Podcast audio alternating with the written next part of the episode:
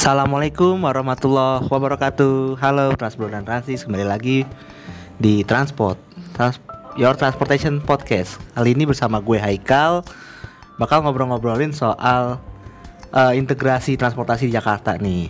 By the way Kalau kita bicara soal integrasi itu kan udah sering lah ya. Nah tapi uh, kalau kita ngomongin Jakarta juga yang udah bikin fasilitas integrasi transportasi yang uh, banyak gitu ya dari misalnya integrasi antar koridor atau integrasi antar line gitu ya baik itu fisik ataupun uh, um, lebih ke nantinya ke informasi ataupun sampai ke tarif tuh makin ke sini tuh makin banyak terus nih. Nah pemahaman integrasi pun juga semakin luas gitu seiring perjalanan waktu dan paradigma pembangunannya dan juga kalau kita bisa bilang uh, integrasinya ini kadang-kadang masih ada setengah hati nih yang di Jakarta nih. Kayak misalnya ya desain jomplang lah atau informasi kurang kurang memadai segala macem. Nah itu uh, sebenarnya kayak gimana sih uh, baiknya itu? Nah kali ini kita udah terhubung nih dengan Bapak Adrianus Satrio Adinugroho selaku foundernya Forum Diskusi Transportasi Jakarta. Asik. Ya saya hello dong Pak. Halo halo halo. Halo Mas Haikal. Yang saya muliakan selamat, selamat sore siang sore nih ya. Iya iya. Oke nih Pak kita ngobrol-ngobrol integrasi. Oke lah sabil lah ya. Sabil lah ya. Boleh nih kalau gue mulai ya Pak Soal integrasi fisik dulu deh gitu ya kita kalau ngomongin fisik tuh kan yang udah dibangun atau yang lagi dibangun tuh kan banyak banget gitu ya di Jakarta. Terus tadi gue udah ngomongin integrasi antar koridor sampai antar moda itu ya. Itu juga banyak nih yang udah dibangun kayak contoh deh yang integrasi antar uh, koridornya deh. Misalnya tuh antar TJ nih. Itu kan banyak kayak yang kayak koridor 10 ke koridor 2 tuh di daerah Cempaka Putih ataupun di daerah Pramuka 4 sama 10 um, terus juga koridor 9 sama 1 di Ben Hill sama Semanggi itu yang ya bisa dibilang jembatan Sirotol Mustaqim lah itu kan. Tuh atau juga di daerah Kuningan gitu antara Kuningan Timur sama Kuningan Barat juga uh, ada ya. Nah itu sebenarnya uh, hal itu kan udah nyambungin uh, koridor utama baik itu uh, BRT ataupun yang non BRT atau rute anak-anakannya gitulah ya. Sebenarnya tuh uh, bisa dibilang bentuknya kan plain-plain aja gitu secara fisiknya. Terus juga bentukannya ya udah pada ancur-ancuran gitu. Terus juga ada revitalisasi uh, halte kan tapi ternyata ya tuh skywalknya kagak diurus juga kan sangat-sangat sayang gitulah ya nah itu sebenarnya sih uh, alangkah baiknya tuh aksesibilitas gitu tuh dimodifikasi lagi atau apalah gitu supaya lebih ergonomis atau gimana sih pak? Oke, okay. thanks banget ya Mas Haikal. Sebenarnya kalau kita ngomongin apa ya integrasi fisik niatnya baik ya. Niatnya, niatnya baik. baik niat nyambungnya baik. Cuman implementasinya kadang-kadang nggak masuk. Jadi memang uh, gimana ngebangun itu seharusnya dari sudut pengguna. Jadi memang hmm.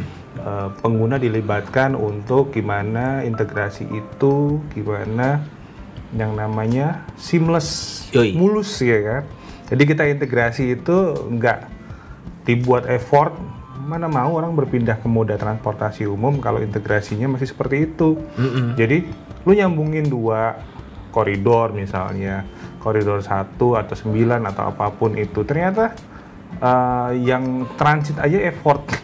ya nggak iya, bisa iya. lah gitu loh. Mana mau gitu loh. Lu mau nargetin orang berpindah itu dari angkutan uh, angkutan pribadi yang super nyaman mm-hmm. ya kan lu tinggal duduk ya, ya kan bisa makan bisa apa lu sekarang nyuruh orang pindah misalnya koridor satu koridor sembilan Wih panjang banget tuh, udah ngos-ngosan ya kan. Uh-uh.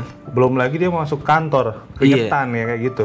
Itu kan sebenarnya niatnya baik nyambungin, tapi mm-hmm. gimana nyambungin itu sebenarnya bisa dibikin lebih simple lebih seamless. Pasti ada caranya kok. Misalnya nih, hmm. kalau kita lihat uh, sambungan fisik 1 sama 9, contoh yang paling gampang dekat soalnya. Iya. Yeah. Itu bisa pakai rute kan? Rute hmm. rute 1 dan 9 ini di kayak misalnya memang kita pindah ke 9 ya sekarang udah ada ya rute ke yeah. dari Bundaran Senayan itu kan atau dari GBK uh. yang ke ah. arah mana tuh 9 ya 9C ada iya, iya, 6B iya. 9D itu ya bisa lah. artinya kan memang tidak perlu biaya biaya yang apa biaya yang tinggi untuk, untuk fisik itu uh kalau seandainya terpikirkan dari dulu mm-hmm. ya kan lalu untuk koridor-koridor lain juga harusnya dibikin senyaman mungkin lah rute-rute ekspres itu juga mm. oke okay buat uh, mengurangin kepadatan atau mengurangin uh, transit orang time transit time orang mm-hmm. jadi, jadi lebih pendek tapi kan kita melihat bahwa kalau rute transit ini nggak bisa banyak nih armadanya. Hmm. Hmm. Jadi memang harus dibangun integrasi fisik. Oke, misalnya memang integrasi fisiknya dibikin lebih nyaman, gitu. Ke depannya bukan integrasi yang pakai jembatan tinggi. Kita lihat disabilitas juga nggak akan bisa seperti yeah. itu. Pakai kursi roda juga jomplang loh. Yeah, bener. Kayak gitu kan? Uh, itu kan kasihan teman-teman disabilitas. Nah, belajar dari 2000 2020 sekarang udah 2023 artinya memang sudah banyak perubahan hmm. yang diciptakan oleh uh, operator oleh pemerintah oleh hmm. dinas untuk memperbaiki kayak gitu dan salah satunya kan kita lihat kayak CSW iya. itu contoh yang istilahnya kemajuan yang luar biasa dari progres progres memperbaiki yang lama ya kita nggak nyalain yang lama cuma memperbaiki yang lama gimana koridor satu bisa transit sama koridor 13, 13. dan MRT pun juga bisa di situ. Mm. Nah, itu adalah uh, pelajaran yang bagus kalau contohnya kayak gitu loh, istilahnya kayak belajar dari kesalahan, belajar mengerti integrasi tapi dari sudut pandang pengguna, mm. bukan lagi sudut pandang gue bangun, gue ngabisin anggaran bangun kacau. aja. Iya, ini bangun lagi habis anggaran lagi gitu. Siapa mau tanggung jawab? Kalau kita lihat koridor 13 dengan akses yang luar biasa kacau ya kan dan akhirnya sekarang dibenerin itu kan mendingan lah zaman jadinya. dulu kagak mikir loh nggak iya. mikir kalau emang uh, ngebangunnya itu pakai namanya rasa uh-uh. manusiawi uh-uh. mikir kan nah, jadi orang dipaksa setinggi itu gimana amit-amit ya, ya uh-uh. kalau yang hamil bisa keguguran gitu disabilitas nggak bisa naik Agak sama naik. sekali uh-uh. ya. dulu bangunnya gimana anggarannya berapa gitu ya kal intinya Iya. Nah, juga itu kan kalau kita lihat dari CSW itu kan nggak cuma antar koridor tapi udah masuk antar moda ya. Nah, ngomong-ngomongin soal antar moda juga nih kan yang sekarang-sekarang ini nih lagi mau jadi atau udah jadi tapi tinggal diresmiin lah ya. ya contohnya di daerah Bayoran tuh. Hmm. Antara Velbak, Pasar Kebayoran Lama sama uh, stasiun stasiun Bayoran gitu. Hmm Nah, itu tuh kan ada perbedaan antar operator ya.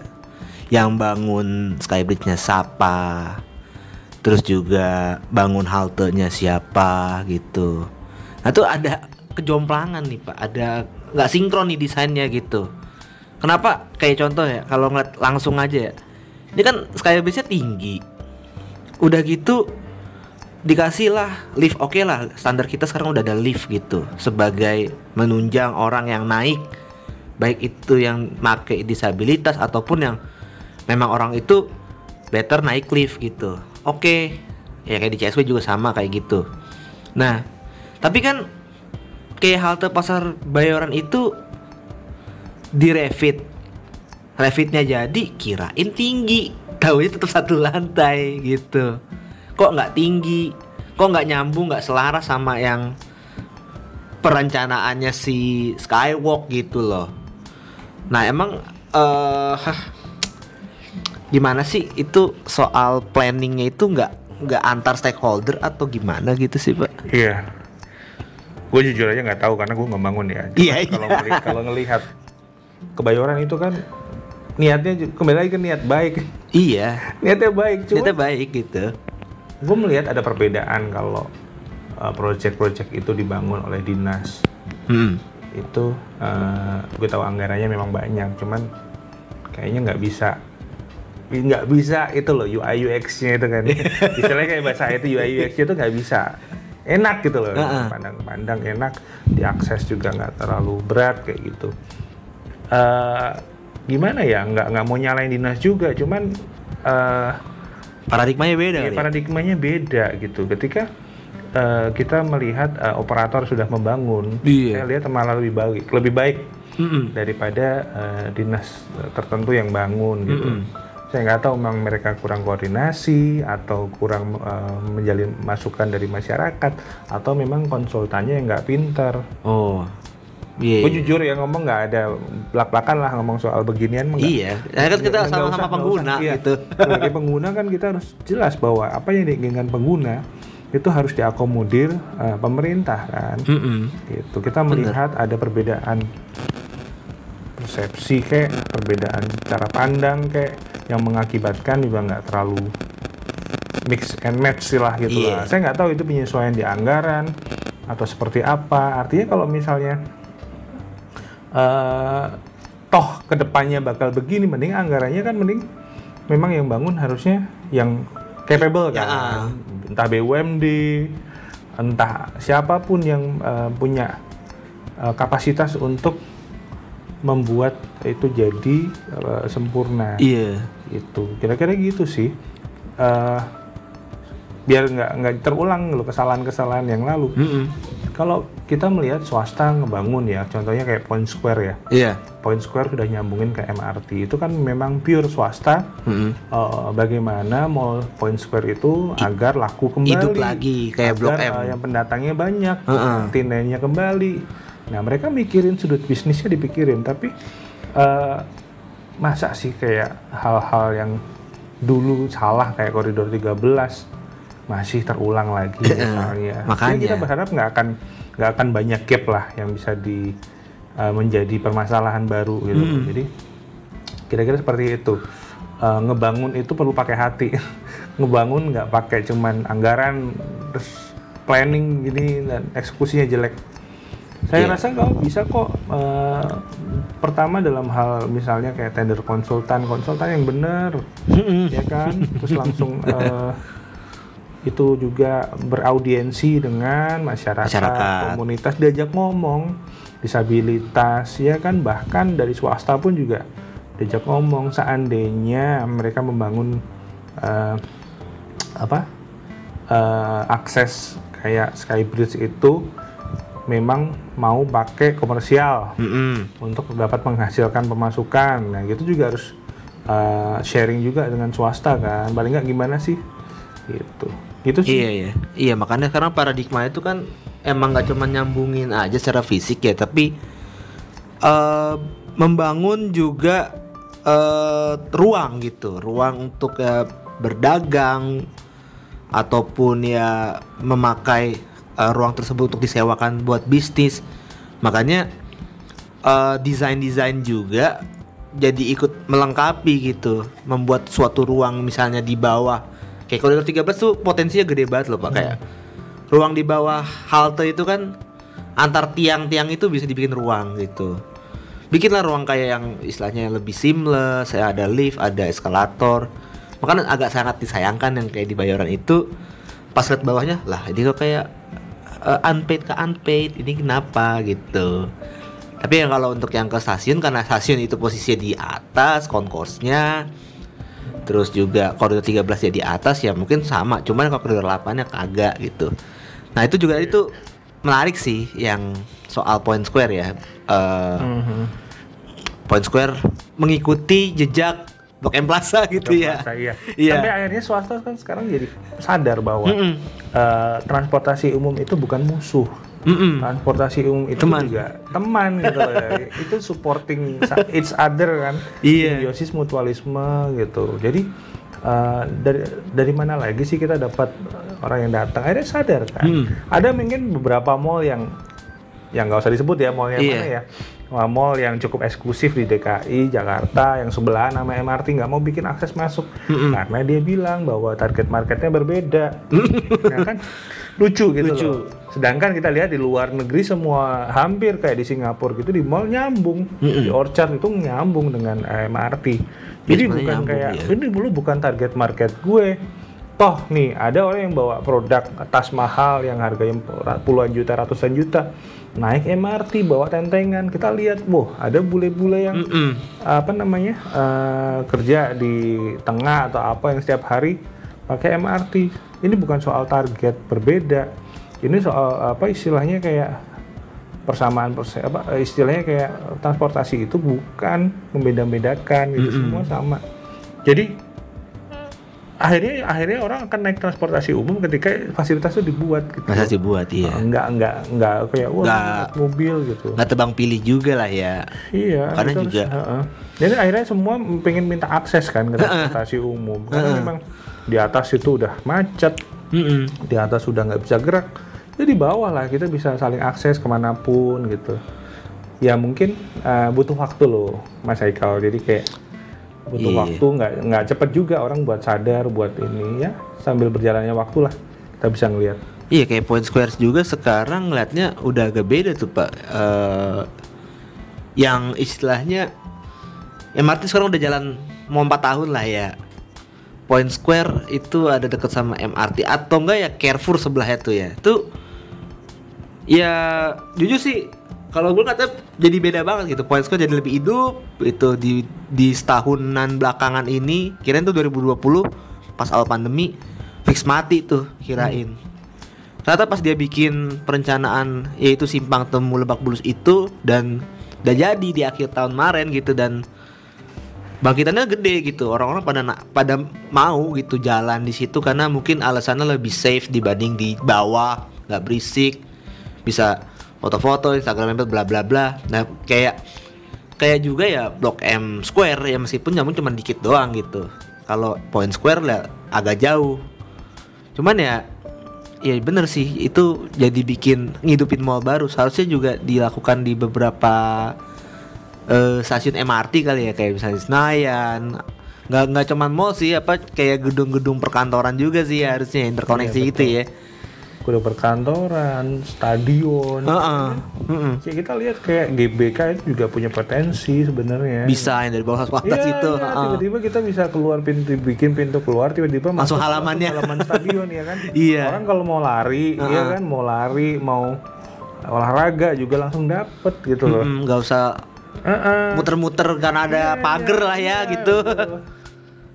Potensinya besar kok sebenarnya untuk eh, lebih di develop lagi. Oke nih, ya memang eh, tentang integrasi fisik nih, memang eh, kita nih terus memperbarui paradigma dan semoga lebih seamless ya. Tapi kalau kita ngomongin informasi nih, integrasi informasi, pasti kan kita udah udah bikin fisiknya nih. Cuman hal-hal informasi yang baik itu sosialisasi dan lain-lainnya tuh suka kadang masih juga eh apa ya istilahnya miskoordinasi dan segala macem lah gitu. Kayak contohnya nih eh kita tahu lah ya terbitnya Capgub ke 31 tahun 2022 tuh kan istilahnya jadi tonggak besar gitu. Eh, pedoman integrasi informasi dengan keselarasan pada desain wayfinding nih. Nah itu kan kalau nggak salah bentuk ini ya, hasil advokasinya FTTJ sama ITDP ya pak ya waktu itu ya pak ya? Iya. Nah, tapi eh implementasi di lapangan tuh kadang apa dijaga baik nggak sih sama apa tuh ya stakeholder terkait lah gitu? Dan juga eh kayak totem-totem wayfinding itu kan kadang suka rute ada rute-rute-rute gitu kan tuh rute-rute bus berubah-berubah tuh itu suka diupdate lagi nggak sih sama misalnya dari a- stakeholder dan juga misalnya ada penambahan ada fasilitas point of interest misalnya di sini ada ini nih apa taman baru gitu wayfindingnya ganti update gitu itu apa ada progres ke situ nggak sih Ya. Jadi gini ya, informasi itu kan penting banget. iya iya ya kan Eh, mau baik yang uh, offline maupun online ya Hmm, kan hmm, hmm. nah kita melihat bahwa soal tanggung jawab tadi kan kembali ke uh, kembali ke instansi masing-masing iya iya jadi misalnya kayak Transjakarta punya uh, kewajiban untuk mengganti rute Mm-mm. mengganti informasi rute ketika informasi itu berubah iya kalau saya melihat ada beberapa titik yang memang sudah diupdate Transjakarta secara terus menerus Nah, berkala lah ya. dengan update ya. Ada yang enggak, yang dinas-dinas yang enggak. Yaitu memang komunikasi perlu dijalin dengan baik antara instansi. Yang Iya. pertama komunikasi uh, untuk menjaga Mm-mm. uh, soal update informasi, informasi untuk menjaga soal apa uh, bahan di situ tetap baik, Oh, tetap oke. terjaga, tetap termaintenance ya dari kotoran, dari coretan seperti apa. Mm-mm. Ya itu memang komunikasinya harus tetap dijaga. Mm-mm. Apa? Antara satu pihak dengan pihak lain, Iya. antara satu ini kita jaga terus. Tapi nggak tapi aturan itu memang sudah ada ya aturan gitu. Jadi tanggung jawab. Tapi kalau kita nggak mengingatkan, makanya fungsi komunitas itu kan mengingatkan. Mm-mm, makanya. Tetap, ini belum nih, ini nih, harus dikawal. Masyarakat itu punya fungsi untuk mengawal uh, pemerintah gitu bahwa ini belum, ini kurang, ini harus diperbaiki. Iya, makanya. Hmm. Kira-kira gitu Mas Haikal. Jadi kalau gue ngomongin soal apa ya eh, tadi jaga soal fasilitas umum, finding atau apa pun ya, memang harus ada berkelanjutan semua. Jadi sama seperti fasilitas umum yang dibangun pemerintah harus ada maintenance-nya. Mm-mm. Gitu dipikir di planning kayak gitu. Ya kalau nggak ada ya bakal cuma sekali bangun selesai. Iya. Nggak terawat selesai gitu nanti Iya. anggaran lagi baru gitu kan tapi kalau memang eh, kita jaga bisa awet paling nggak tiga tahun dua tahun hmm, ya, bener. bagus tuh Iya kayak contohnya yang kemarin lah di Tanah Abang gue temuin tuh ya. Itu kan memang totem wayfindingnya sempat udah udah jelek lah ya. Udah hancur-hancuran gitu. Diganti tuh. Tapi rutenya rute pas liat rutenya kok belum update? Masih ada kayak S41 terus eh 8K yang sekarang tuh kan sama pihak TJ udah lagi di stop ataupun udah dimodifikasi gitu. Kok lihat dia dia ganti gitu. Masih pakai updatean lama gitu. Apa enggak koordinasi dulu gitu sama TJ misalnya gitu. Yang di bisa apa tuh di tempat-tempat umum tuh kayak misalnya ya tadi Tanah Abang. Itu kan soal aset Makanya. Mas. kayak aset tuh aset. Ini asetnya siapa kadang-kadang? Iya. Apa yang misalnya Transjakarta lakukan untuk memperbaiki itu bukan asetnya. Kadang-kadang itu juga susah juga Mm-mm. kalau nggak ada yang ngingetin. Ya itu mungkin fungsi kayak jaki. Iya. Ya kan? Nah, fungsi pelaporan dari pemprov itu yang harus eh, tetap masyarakat kawal pakai itu. Jadi memang eh, tetap terjaga dan tetap terupdate misalnya dari kotor dari update informasi rute. Heeh. kayak gitu mungkin kita harus eh, selalu mengingatkan. Apalagi kalau misalnya kita punya punya hubungan dengan eh, stakeholder ngingetin ya kita ingetin terus. Kayak gitu mas. Iya ya, benar-benar. Emang kalau ngomongin bentuk strategi komunikasi antar stakeholder juga nih, ya tadi itu kan antara masalah aset gitu ya. Berarti emang suka ada ini ya sih pak, kayak misalnya ada benturan antara ya faktor-faktor struktural kah atau faktor Iya, kepemilikan iya. aset juga itu ya. Berarti yang bikin hal-hal kayak gitu jadi jadi jalan sendiri aja gitu. Ya gue punya proyek, gue juga punya proyek Iya. gitu kan. Jadi proyek hanya dibangun di awal, proyek ya sudah. Mereka Ha-ha. biasanya memang main mindsetnya begitu, nggak nggak. nggak selaras jadinya gitu loh. Kan sayang banget gitu. Soalnya ngaruh juga ke hal-hal yang lainnya nanti gitu. Padahal kan kayak misalnya ya hal-hal yang misalnya bisa dikomunikasikan ke platform digital ah, ini ada sosialisasi Ya, apa paling, paling, gitu. paling solusinya ya itu sih di sosial media sih sebenarnya. Cuman eh, itu loh pengawasan publik. Itu tadi kembali ke yang gua omongin tadi. Orang juga kadang pasang sekali ya udah nggak peduli, udahlah gitu kan, udah jadi. iya Iya kalau publik nggak ngawasin ya udah resiko. bener bener berarti emang harusnya ya pengawasan publik itu yang harus di, Ah, di pengawasan publik awareness sih itu aware- ya awareness. Kita kita kalau Awareness di kita kalau lihat ada yang salah jangan didiemin, Ah, tapi ah. dilaporin kayak gitu. laporin ya.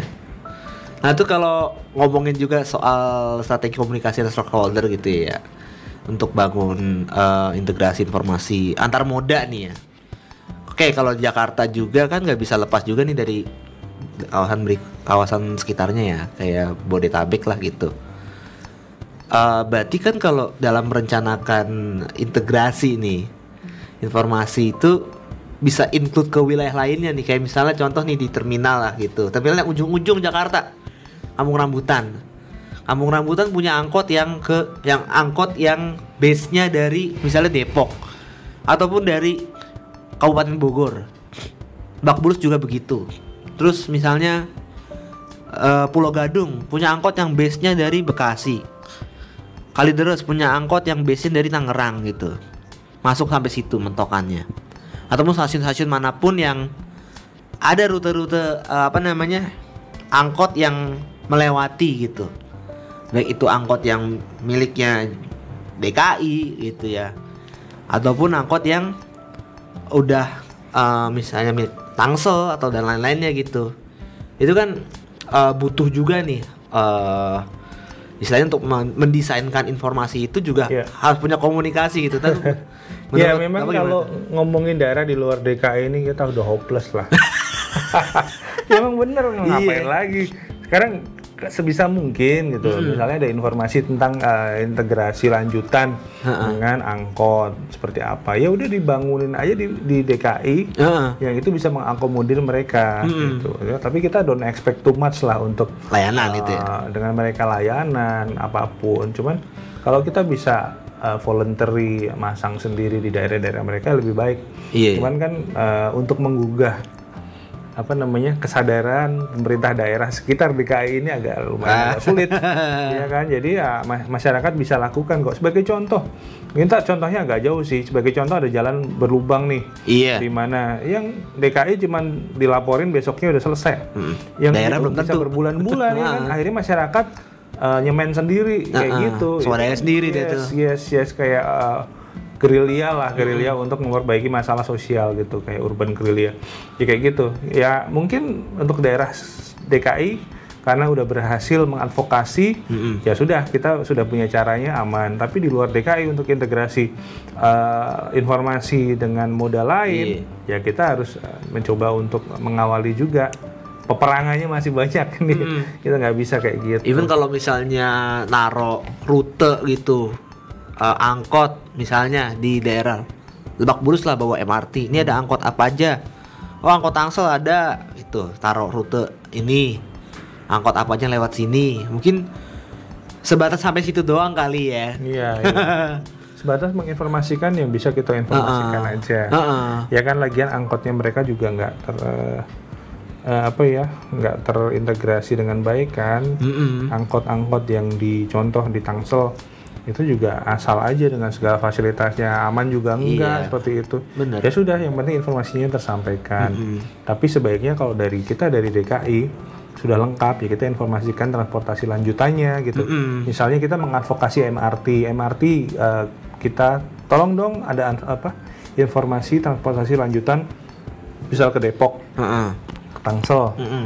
Itu dipasang di Di itu di, ya, lah. di MRT atau di halte TJ-nya. Atau sekarang angkot-angkot parung yang ada di Lebak Bulus tuh, kan sekarang tengah tuh, minggir kan, udah nggak dikasih tempat kan. Iya. Mungkin ada tempatnya sono tuh eh, sebelah pojok sono angkot sono, parung, ya. Gitu. Iya, dikasih itulah apa eh, Iya, petunjuk-petunjuk informasi lah kayak gitu. ya. tem-temannya kalau di Hmm. 01 kan nggak ngetem yang ngetem situ cuman angkot parung sama ya KWK yang masih reguler. Nah, oke. Berarti intinya ya memang kalau untuk Bodetabek itu ya sebatas ya kita ngasih istilahnya ngasih pelang bahwa ada rute ini ini ini. Saya sama kayak waktu pas ini ya yang waktu pas di Sudirman dulu ya eh, angkutan regulernya apa? Ada oh ada AC 05 segala macem gitu loh ya. Mhm. Betul betul. Ya kayak gitu sih. Kita ya kita berusaha aja untuk memperbaiki apa sektor pinggiran Ah, ah. DKI yang Iya. penuh dengan problematik. Tapi- Um, enggak sih nggak problematik sih, cuman belum bisa diapa-apain karena kita sadar bahwa mengubah uh, d- uh, perbatasan itu agak susah itu Mm-mm. aja. nggak apa ya top to the down atau down to the top kali ya Iya, iya. Eh, regulasi Panjang nanti kalau ngomongin daerah nanti Ya, makanya. pengelolaannya, pengelolaannya, terus tanggung jawab transportasinya, terus anggaran daerah untuk transportasinya. Nanti jadi sedih banget kita kita ceritanya bukan cerita soal transport lagi, Ah. malah malah kita ngomong regulasi. sedih-sedih banget. iya kayaknya kita ngobrol lagi nih soal integrasi aja deh Iya.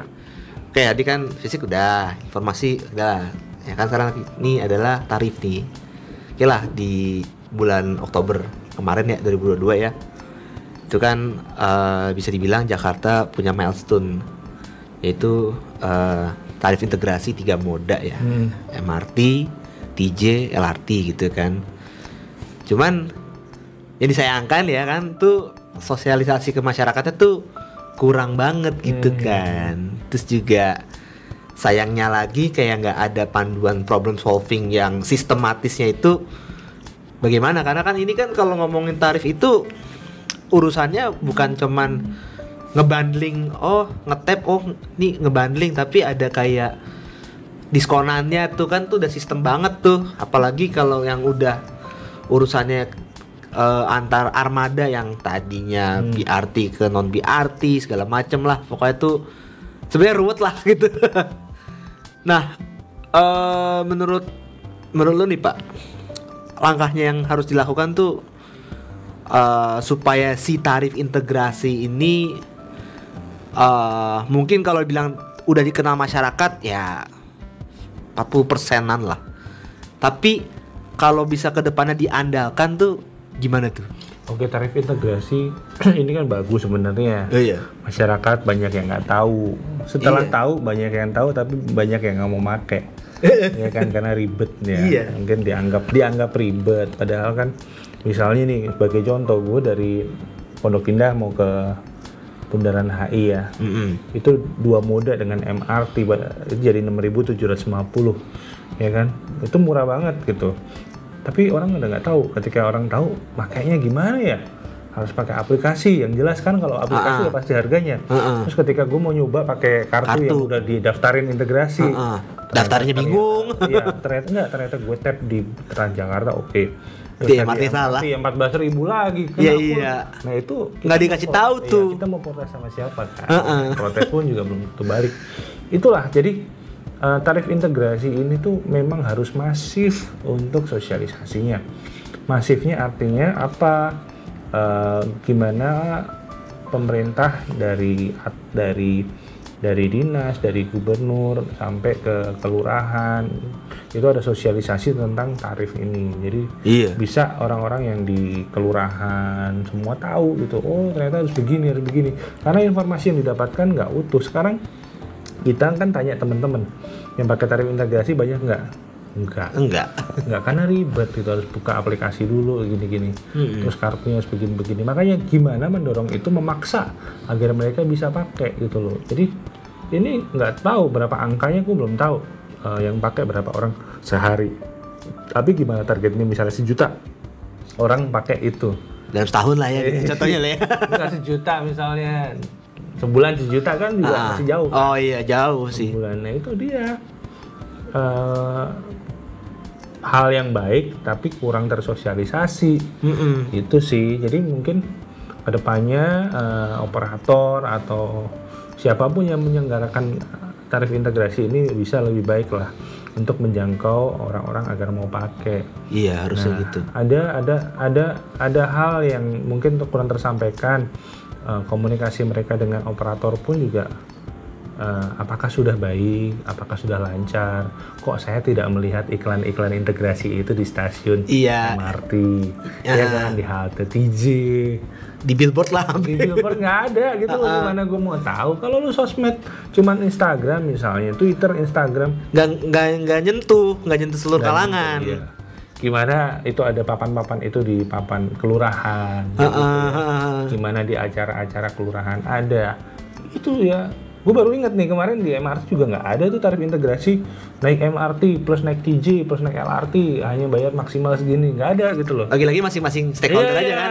Dari stakeholder ngurusin aja udah nggak ngurusin satu masing-masing Iya, MRT kan dapur. saham besar itu. Iya, makanya gitu. Besarnya Jaklingko, tapi Jak- malah nggak ada iklannya di situ Iya. gitu loh. Ada yang salah apa gitu. Jadi harus dipetakan lagi permasalahannya apa, solusinya apa gitu. Gitu kalau nggak gue ngomong-ngomong banyak soal tarif integrasi karena mungkin masih proses. Iya. Dan bulan-bulan ini kan eh, akan ada evaluasi dari DPRD 6 bulan. Oh, Oke. Nah, semoga eh, evaluasinya bisa baik dan akhirnya nanti bisa eh, menjadikan perubahan-perubahan yang ke arah lebih baik. Benar gitu sih. sih Kal. Ya kalau dari gue juga soal tarif integrasi ya palingan sih eh ngelihatnya lebih kayak masyarakat tuh butuh guidance gitu loh. Kayak misalnya Hmm. gue berharap banget tuh ada kayak guidebook gitu loh karena uh, guidebook itu meskipun dia media cetak itu udah menyeluruh banget untuk seluruh kalangan masyarakat gitu hmm. kayak nih how to use-nya gitu ngetapnya di bagian mana gitu ya iya yang detail sih uh -uh, ngetapnya bagian mana di LRT bagaimana di MRT bagaimana even yang gue yang sering naik aja karena suka kagok gitu kan gimana masyarakat yang itu mau nyoba gitu iya. Kalau kita lihat moda orang naik TJ sekarang udah 850 ribu per hari. Iya. Ya kan. Dari situ pun kita harus bisa lihat berapa yang pakai integrasi tarif itu. Mm Kayak gitu. Kita harus targetin uh, besar, tapi operator juga harus apa? Support abis. Mm -mm. Nah, kalau operator sudah support, itu mereka sudah infoin secara detail. Iya, harus itu. Ya kan, kayak kayak misalnya dulu harus tap out. Itu ada tuh stiker-stiker di bus. Oh. Wajib tap out gitu kan. Kenapa eh, di di iklan-iklan di bis non BRT atau di kereta itu nggak ada uh, sosialisasi masif tentang itu. Hmm, untuk antar, kan antar moda itu antar kan? moda iya kan, simple. Atau beli billboard, hmm. beberapa billboard besar kayak itu. Apa yang apa yang harus diperbaiki banyak. Iya, karena kalau kita ngeliat ya sekarang ujung-ujungnya ya orang berpindah moda Iya berpindah. Tapi gitu. saingan lagi ada yang namanya Go Transit ya kan? Uh -uh. Go Transit ada ada Jaklingko. Uh -uh. Orang tuh akan nyari yang paling gampang sebenarnya. Nyari gampang bener. Paling gampang gitu. Ada orang yang gini, ada orang yang rela willing to pay mahal kan, pay expensive uh, buat angkutan umum. Uh -uh. Ada orang yang nggak peduli, dia mm -hmm. kepotong dua kali, bodo amat. Uh -uh. Ada orang yang peduli memang karena memang setiap hari terhitung dia harus ngeluarin transportasi. Iya. Gitu. Uh -uh. Nah ada orang-orang kayak gini harus dipahami gitu loh jadi tipikalnya ya uh, uh, uh, uh, harus dibagi juga bahwa harus setiap enam bulan itu datanya keluar berapa yang pakai ada yang salah nggak sih dengan sosialisasi ada yang salah nggak sih dengan apa uh, cara kerja kita seperti apa. Gitu kalau mm -hmm. itu harus namanya apa namanya analisa dan evaluasi setiap saat gitu. Benar-benar. Itu makanya harus di yang pakai ternyata yang pakai cuma dua ribu setiap hari. Ah salah itu berarti ada iya. salah. Saya yang pakai cuma sepuluh ribu itu setiap hari. Jujur aja gue jarang pakai kalau nggak modanya itu. Benar gue akan pakai kalau kartu gue habis kadang-kadang ya udah gue pakai karena dia bisa pakai QRIS kan. Iya. Nah itu ya udah ini kayak gitu. Jadinya kayak itu apa uh, perbantuan lah gitu. Iya kalau gue pakai aplikasi MRT urgentnya pakai aplikasi MRT harusnya pakai OVO GoPay dan macam-macam. Tapi kalau gue pakai aplikasi Jaklin, gue bisa tuh bayar pakai QRIS. Iya bisa. Nah, QRISnya muncul di tip. Makanya gitu, makanya ya sekarang gimana menjadi andalan gitu? Kalau misalnya sosialisasinya kurang satu, hmm. terus uh, sebenarnya yang gue bilang tuh butuh guidebook yang orang-orang tuh diajak banget nih. Ada sosialisasi ada guidebooknya. Nih begini gini gini gini. Bikinlah buku ya kayak hmm. bangsa 20 halaman kayak mungkin cukup lah gitu. Orang di kayak jadi terdoktrinisasi lah gitu. Oh bahwa begini manfaatnya dan hmm.